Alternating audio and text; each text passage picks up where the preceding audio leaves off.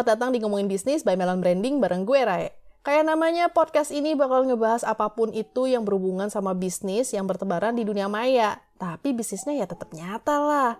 Nah, kalau misalnya bisnis itu kan kita bakalan ngobrol salah satunya tuh tentang brand ya. Kalau ngomongin soal brand nih, pernah mikir nggak sih kenapa ya brand itu tuh bisa dikenal banget gitu? Ada beberapa brand yang kayaknya semua orang tuh kayak tahu gitu soal brand ini gitu bahkan kadang ya kalau misalnya lo nggak baca atau misalnya denger nih nama brandnya tapi pas lo ngeliat warna barang atau cara mereka nawarin sesuatu lo tuh langsung tahu kalau brand ini tuh misalnya si X gitu atau misalnya si A si B kayak gitu. Nah itu artinya si brand ini tuh udah mengidentifikasikan dirinya akan dikenal kayak gimana nih. Kepribadiannya tuh juga udah jelas lah. Pasti lo mau juga kan brand lo tuh punya kepribadian yang jelas juga kepribadian yang jelas dari sebuah brand ini bisa terjadi kalau kita udah punya nih blueprintnya. Mirip kayak bangun rumah, kita pasti minta blueprint kan ya ke arsitek. Tujuannya tuh biar kita tahu nih bentuk jadi rumahnya tuh kira-kira akan kayak gimana sih. Khususnya ya untuk beberapa hal fundamental kayak dana rumah, terus juga ukurannya tuh berapa meter kali berapa meter. Ini yang nantinya juga akan nentuin seberapa banyak bahan bangunan yang diperluin, perlunya apa aja gitu. Dari sana juga bisa nentuin kan kira-kira banyaknya resource yang dibutuhin tuh kayak gimana sih dari mulai budgetnya sampai kayak mandor atau tukang-tukangnya tuh uh, udah bisa dihitung gitu. Nah, ini kan konteksnya buat bangun rumah ya. Bangun brand tuh juga mirip lah 11-12 gitu, kayak gitu juga. Ngobrolin blueprint dari arsitek, brand sendiri tuh juga ada nih arsitekturnya, atau bahasa kerennya ya, kita bisa bilang tuh brand arsitek. Intinya sama dengan blueprint buat bangun rumah tadi gitu. Nah, brand arsitek ini tuh penting banget lah sebelum lo bisa launch bisnis lo supaya lebih stable gitu. Ya sebenarnya nggak harus sih ada brand arsiteknya dulu dalam berbisnis. Bisa mulai dari trading dulu atau jualan dulu. Sambil jalan baru bangun deh nih brandnya. Kalau kayak gini sih kelebihannya ya, lo udah bisa sekalian research market juga gitu. Apakah barang atau jasa yang lo jual tuh udah sesuai belum dengan kemauan target market lo gitu, atau belum nih gitu. Jadi lo bisa trial and error lah dengan apa yang lo jual gitu. Kelemahannya kalau nggak ada brand arsitek, bakalan banyak trial and error juga nih buat pengerjaannya. Yang pastinya kalau banyak trial and error, ya jadi kurang efisien gitu. Sebelum makin dalam, mungkin gue bakal ingetin dulu nih pentingnya sebuah brand itu apa kali ya. Kenapa sih kalau misalnya lo berbisnis gitu mesti ada brand gitu. Nah, brand ini tuh bisa jadi pembeda nih buat kompetitor lo. Jadi tuh kayak lebih punya apa ya, keunikan lah yang bisa dilihat sama target market gitu. Walaupun misalnya nih sama-sama jualan jasa transportasi gitu, pasti ada value lain lah selain transportasi yang bisa disediain sama brand sebelah gitu. Nah, value ini yang dibentuk lewat branding balik ke brand arsitek, brand arsitek ini tuh bisa bikin antara brand, produk sama struktur perusahaan lu tuh bisa lebih rapi dan sinergi satu sama lain.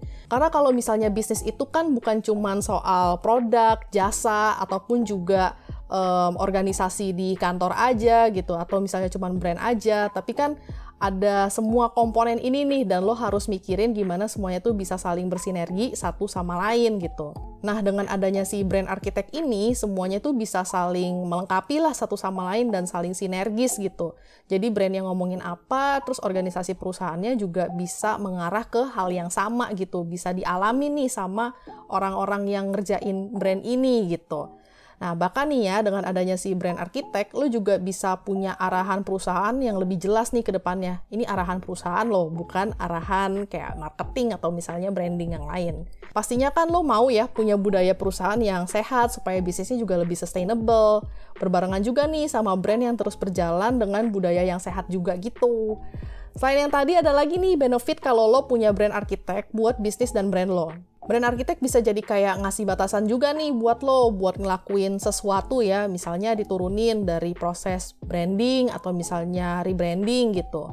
Pastinya ya untuk hal-hal yang kayak gitu itu disesuaikan juga dengan konteks zaman dan situasi yang ada. Kayak brand-brand internasional ya dengan brand arsitek gitu. Proses brandingnya tuh bakalan rada beda lah ya di tiap negara tapi tetap memperkenalkan value yang sama nih dari brand itu gitu. Jadi walaupun misalnya cara marketingnya beda-beda atau misalnya cara nge-brandinginnya juga agak beda gitu. Karena disesuaikan sama kondisi lapangan ya gitu. Tapi mereka sebenarnya punya uh, soul atau punya jiwa tuh yang sama. Terus juga brand arsitek tuh bisa juga nih buat ngembangin perusahaan lo juga gitu. Lo jadi tahu kan produk atau service yang lo tawarin tuh bisa dikembangin ke arah mana gitu. Entah itu upgrade kualitas atau nambah produk, nambah service baru yang inline gitu sama brand lo secara keseluruhan nambah service atau produk juga bisa nih nambah ke sub brand bisnis yang baru gitu. Contohnya nih ya, kayak Gojek yang kita tahu gitu, awalnya kan dia perusahaan transportasi. Nah, ada pengembangan sub brandnya juga, udah macam-macam lah sekarang. Udah ada kayak GoPay, GoSend, dan macam-macam gitu.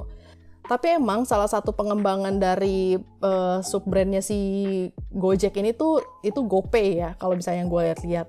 Terus juga nih ya, ada perusahaan HR namanya Mekari.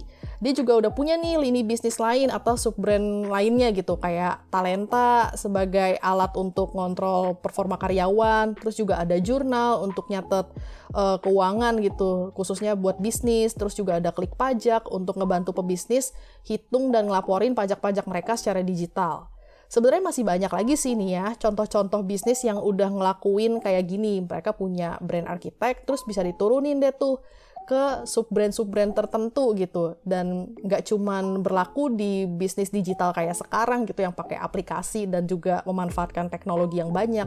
Tapi juga ada bisnis bisnis konvensional yang udah lama nerapin kayak gini juga. Contohnya nih ya kayak perusahaan Indofood dengan beragam brand produknya dan juga tuh ini lever gitu. Siapa sih yang nggak tahu eh, barang-barang atau misalnya brand-brand dari dua perusahaan ini gitu kan? Dan bahkan lo juga pakai gitu sehari-hari. Kalau dilihat-lihat brand dengan sub-brand yang terbentuk karena adanya si brand arsitek ini, itu bisa bikin sebuah ekosistem yang sinergis dan simultan dalam sebuah bisnis gitu. Kalau cara pikir bisnisnya kayak gini, kan lo juga jadi punya beberapa lini bisnis ya. Di saat itu juga ketika misalnya nih salah satu bisnis lo tuh lagi kurang bagus gitu. Nah yang lainnya tuh bisa support nih bisnis yang lainnya berasa banget kan pentingnya brand arsitek gitu karena nggak cuma ngomongin soal brand semata tapi ngomongin soal organisasinya juga gitu coba deh dipikirin arsitektur brand lo tuh kayak gimana sih gitu brand arsitek bahkan bisa ngalamin pengembangan juga nih seiring dengan perkembangan bisnis dan konteks zaman gitu. Biasanya sih ini kejadiannya karena emang um, bisa ngelihat opportunity yang bagus nih dalam sebuah keadaan yang mungkin jadi signifikan banget gitu perubahannya. Kalau lo belum punya brand arsitek dan bingung nih gitu, kayak gimana sih buat ngebangun brand arsitek di bisnis gue gitu, di perusahaan gue. Nah, jangan sedih nih ya. Jalin aja dulu bisnis lo sambil dipikirin arsitekturnya akan kayak gimana. Kalau udah nemu nih brainstorm journey-nya akan kayak gimana, baru deh diterapin sambil dicoba-coba dulu gitu. Ini tuh works atau enggak sih gitu. Kalau kalau works ya lo jalanin, kalau misalnya enggak mungkin perlu dicari lagi. Semoga lo punya brand arsitek yang oke punya ya gue masih bakalan bahas berbagai komponen bisnis digital lainnya kok. Makanya dengerin terus nih podcast ngomongin bisnis. Lo juga bisa follow Instagram kita di @melonbranding karena di sana kita juga kasih nih beberapa info dan tips terkait bisnis, marketing, branding, dan advertising yang bisa jadi works juga buat bisnis lo. Thank you udah dengerin gue, sampai ketemu di episode berikutnya. Bye-bye!